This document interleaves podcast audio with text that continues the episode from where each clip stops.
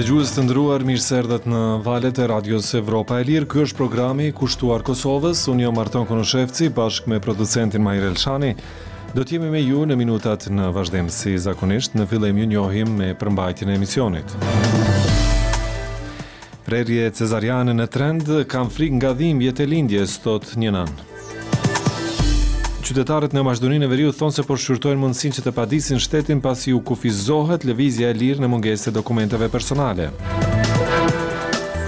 Në rubrikën Femina flasim me mësimdhënësen Feride Dermaku, e cila punon edhe si vullnetare në Kryqin e Kuq.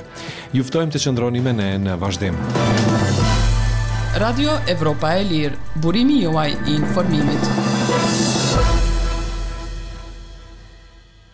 Nga frika e dhimbjeve gjatë lindjes, shumë gra e nëna të reja zgjedhin që foshnjat e tyre në jetë t'i sjellin me operacion. Mjekët thonë se kohëve të fundit, gjeneratat e reja të nënave për arsye të ndryshme nuk preferojnë të lindin në mënyrë normale. Në vitin e kaluar, në Qendrën Klinike Universitare të Kosovës kanë lindur rreth shtatë mijë e shtatëqind fëmijë, por gati gjysma e tyre kanë lindur me operacion. E dëgjojmë një raport në këtë temë. Gati gjysma e shtatë mijë e shtatëqind lindjeve në Qendrën Klinike Universitare të Kosovës në vitin dy mijë e njëzet e tre janë realizuar me procedurën e ashtuquajtur prerje cezariane. Megjithatë, jo të gjitha gratë kanë pasur nevojë mjekësore për t'iu nënshtruar një operacioni të tillë, thonë udhëheqësit e Klinikës së Gjinekologjisë. Sipas tyre, në shumë raste, nënat e kanë kërkuar vetë ose në disa të tjera, mjekëve u është dukur më e lehtë. Trendi i lindjeve të tilla është në rritje në Kosovë dhe mjekët ankohen që nuk kanë një protokoll që duhet ndjekur. Sipas Organizatës Botërore të Shëndetësisë, prerja cezariane, nëse kryhet kur nuk ka nevojë mjekësore, mund t'i vendosë gratë dhe foshnjat në rreziqe të panevojshme. Sikurse në të gjitha operacionet, rreziqet përfshijnë potencialin për gjakderdhje, infeksion, rikuperim të ngadalshëm e të tjera. Prerja cezariane përdoret për lindjen e fëmijëve përmes prerjeve kirurgjikale të bëra në bark dhe mitër. Radio Evropa e Lirë vizitoi këtë javë Klinikën e Gjinekologjisë në Qendrën Klinike Universitare të Kosovës, ku një grua në javën e tridhjetë e shtatë të shtatzanisë priste të lindte fëmijën me prerje cezariane. Nuk e kam diskutuar fare me mjekun mënyrën e lindjes normale, e kam kërkuar vetë me prerje cezariane. Nuk është se nuk kisha dashur të lind në mënyrë normale, por nuk i besoj vetes se mund ta realizoj deri në fund, tha shtatzëna, e cila pranoi të identifikohej vetëm me inicialet LA. Ajo do të bëhet nënë për herë të katërt. Edhe lindjet e tjera i kishte realizuar me prerje cezariane. Drejtori i Gjinekologjisë Zef Ndrejaj thotë se janë disa faktorë që këtë procedurë e kanë bërë gati të zakonshme. Si kryesore ai përmend presionin e pacientëve për ta kryer lindjen sa më shpejt, pastaj thonë se është edhe mosgatishmëria e mjekëve për të asistuar një proces natyral sepse bie pre e këtij presioni. Sipas tij mjekët shpesh druajnë se mund të përballen me probleme nëse këmbgulin në lindje natyrale dhe ajo komplikohet në momentin e fundit. Për këto arsye, Ndrejaj thotë se duhet një protokoll i cili i udhëzon mjekët se si të veprojnë. Mirëpo, me punë edhe me një protokoll të mirë nëse formohet, rregullohet prej ministrisë, atëherë Me siguri edhe numri i lindjeve me prerje cezariane kish me u ulë. Pacientja dhe familjarët kërkojnë përgjegjësi nga mjeku, prandaj na duhet protokolli për t'u bazuar në të, thotë Ndrejaj për Radion Evropa e Lirë. Ai tregon se numri i lindjeve me prerje cezariane po shkon duke u rritur nga viti në vit, por nuk ofron shifra. Thotë se ato po shndërrohen në një trend, i cili mund të çojë edhe në rënie të natalitetit. Dukuria nuk është kufizuar vetëm në Qendrën Klinike Universitare të Kosovës dhe spitale të tjera publike. Në Kosovë operojnë disa institucione private shëndetësore ku prerje cezariane mund të kryhen me pagesë. Radio Evropa e Lirë kontaktoi njërin prej tyre në Prishtinë ku iu tha se trendi i lindjeve përmes kësaj procedure është në rritje, mbi tetëdhjetë për qind e rasteve kryhen me prerje cezariane, tha shkurtimisht drejtori i një spitali. Sipas disa mjekëve me të cilët bisedoi Radio Evropa e Lirë ka dhe raste kur një spital refuzon pacienten që nuk ka arsye mjekësore për prerje cezariane, porse ajo i drejtohet pastaj një institucioni tjetër derisa ta arrijë qëllimin. Durgut Aliu, obstetër gjinekolog i cili punon në një spital privat në Prishtinë thotë se gjeneratat e reja kryesisht nuk duan t'i përjetojnë dhimbjet e lindjes dhe zgjedhin prerjen cezariane.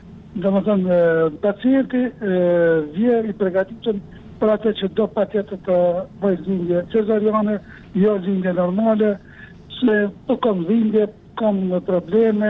Nga Ministria e Shëndetësisë së Kosovës thanë për Radion Evropa e Lirë se kanë kërkuar nga Bordi i Shërbimit Spitalor Klinik dhe Universitar të Kosovës që të ndërmerr veprime të specifikuara në funksion të zvogëlimit të numrit të prerjeve cezariane. Bordi i SHSKUK-së, që mbikëqyr QKUK-në dhe spitalet rajonale, ka diskutuar në disa prej mbledhjeve të fundit, ku ka qenë i pranishum edhe Radio Evropa e Lirë, Për çështjen e prerjeve cezariane.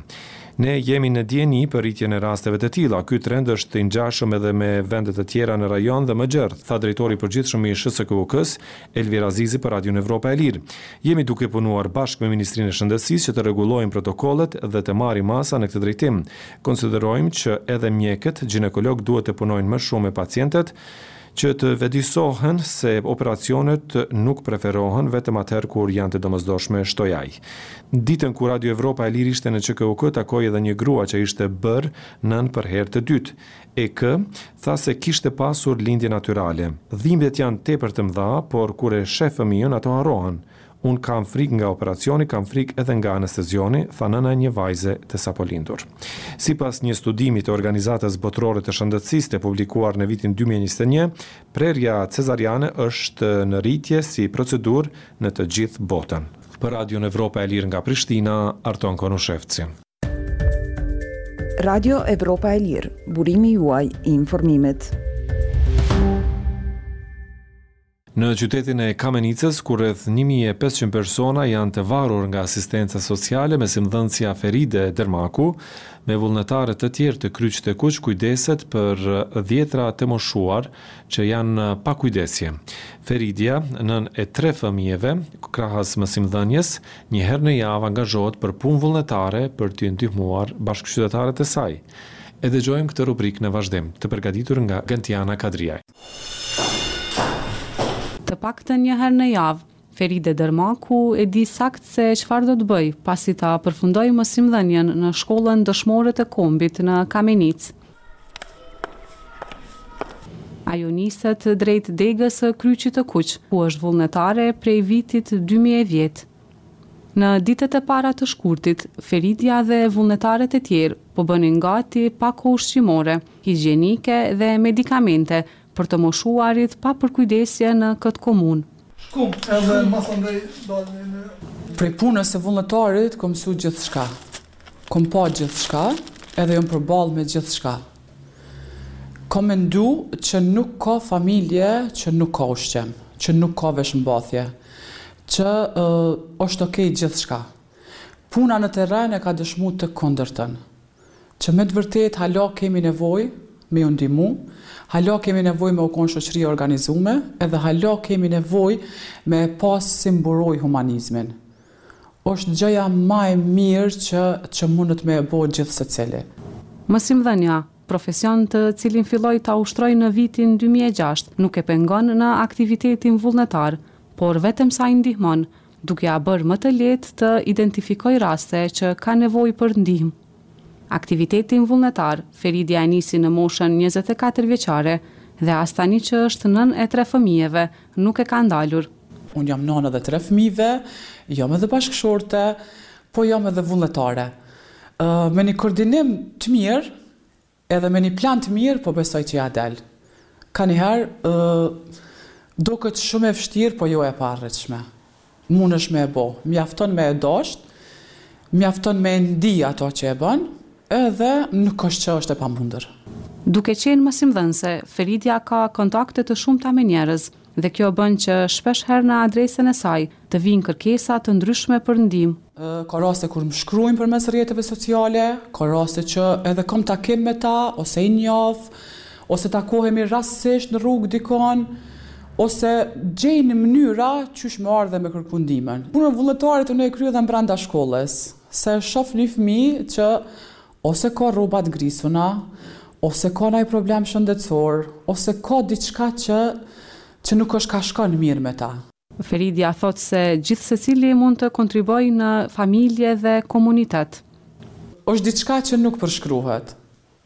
Mundet me e bo secili.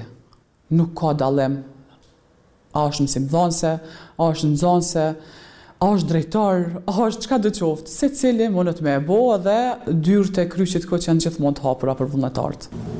Në Kamenicë, më shumë se katërqind familje me rreth një mijë e pesëqind anëtarë përfitojnë nga skemat sociale.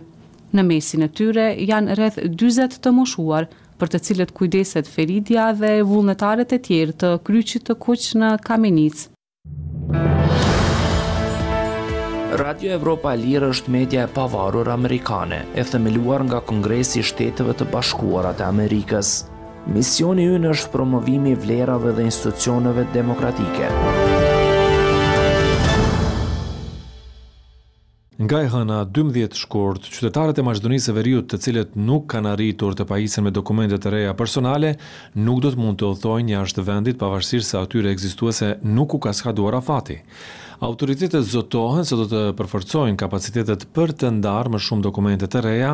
Qytetarët e anketuar nga Radio Evropa e Lirë thonë se ndihen të bllokuar pavarësisht se shqyrtojnë edhe mundësinë që ta padisin shtetin pasi nuk mund të realizojnë udhëtime jashtë vendit gjegjësisht të kthehen në vend ku janë me punë të përkohshme në vendet e BE-së, SHBA-së dhe Kanadasë. Zërijeta Hajro Jajaga raporton nga Shkupi. Ndihem si e bllokuar në një burg të madh në shtetin ku jetoj, thotë kështu për Radion Evropa e Lirë, Mila Tuceviq, e cila të premten u kthye e zhgënjyer nga përgjigja që mori në sportelin për marrjen e të dhënave biometrike për nxjerrjen e dokumentave të reja personale. Pse mos të shkoj të shoh motrën dhe familjarët e mi, të cilët ndodhen në Sarajevë? Kjo nuk është e drejtë. Megjithëse vetëm para dy vitesh nxora pasaportën, afati i të cilit nuk ka skaduar, unë mbetem e bllokuar këtu ndërkohë që motra është e sëmurë dhe nuk mund t'i gjendem pranë në këto ditë të vështira, thotë Mila Tuceviq. Nga ana tjetër, Emilia thotë se nuk mund të kthehet në Kanada tek fëmijët e saj pasi nuk arrin të marrë pasaportën, Megjithëse është fotografuar në fillim të janarit, Emilia Nastevska është një nga ata që shqyrton mundësitë për të ngritur padi ndaj shtetit. Të drejtat e qytetarëve janë shkelur, pasi pamundësohet lëvizja e lirë. E di se kjo do të jetë një proces i vështirë, por nëse paraqitet një iniciativë ku do të mblidhen më shumë qytetarë që do të padisin shtetin, do t'i bashkangjitem kësaj nisme. thotë Emilia Nastevska. Ndërkohë Bujar Ramadani, i cili është me punë të përkohshme në Gjermani, thotë se ka rrezik që të humbasë punën pasi ka marrë leje vetëm për dy javë për të ardhur në Shkup që të nxjerrë dokumentat e reja, por këtë nuk arrin ta realizojë as me procedurë të përshpejtuar, edhe pse ka paguar trefishin e taksës për nxjerrjen e pasaportës së re. Qytetarët shprehin revoltën e tyre pasi Maqedonia e Veriut edhe pse ka marrë obligim që të ndryshojë dokumentat e udhëtimit, edhe pas vitit 2019 ka vazhduar të lëshojë dokumentat personale ku nuk figuron shtojca e Veriut, kështu që ata kanë dokumente që nuk u ka skaduar afati, por të njëjtat në bazë të marrëveshjes së Prespës nuk janë të vlefshme pas dymbëdhjetë shkurtit. Autoritetet zotohen se do të përforcojnë kapacitetet për të ndarë më shumë dokumenta të reja. Shoqata e Avokatëve të Ri thotë se qytetarët që mendojnë se janë të dëmtuar apo se u janë shkelur të drejtat personale, do të duhet të dëshmojnë se shteti ka vepruar në mënyrë të paligjshme, duke lëshuar dokumenta personale me emrin e vjetër të shtetit, megjithëse që nga janari i vitit dy mijë e nëntëmbëdhjetë janë bërë ndryshimet kushtetuese Me këtë është ndryshuar dhe emri i shtetit. Edhe nga Komiteti i Helsinkit kanë theksuar se një milion qytetarë të Maqedonisë së Veriut, për shkak të mosmarrjes së dokumentave të reja personale me emrin e ri të shtetit, nuk mund të gëzojnë të drejtën e tyre kushtetuese dhe themelore njerëzore, atë për lëvizjen e lirë. Do kujtuar se ndryshimi i dokumentave buron nga marrëveshja e Prespës e nënshkruar më shtatëmbëdhjetë korrik të vitit dy mijë e tetëmbëdhjetë ndërmjet Maqedonisë së Veriut dhe Greqisë, në saje të cilës iu dha fund mospajtimeve të kahmoshme mes dy shteteve. Në bazë të marrëveshjes së Prespës, dokumentat personale duhet të ndrohen në përputhje me emrin e ri të shtetit brenda pesë viteve nga hyrja në fuqi e marrëveshjes, përkatësisht deri më dymbëdhjetë shkurt të vitit dy mijë e njëzet e katër. Për Radion Evropa e Lirë nga Shkupi, Zërijeta Hajro Jahjaga.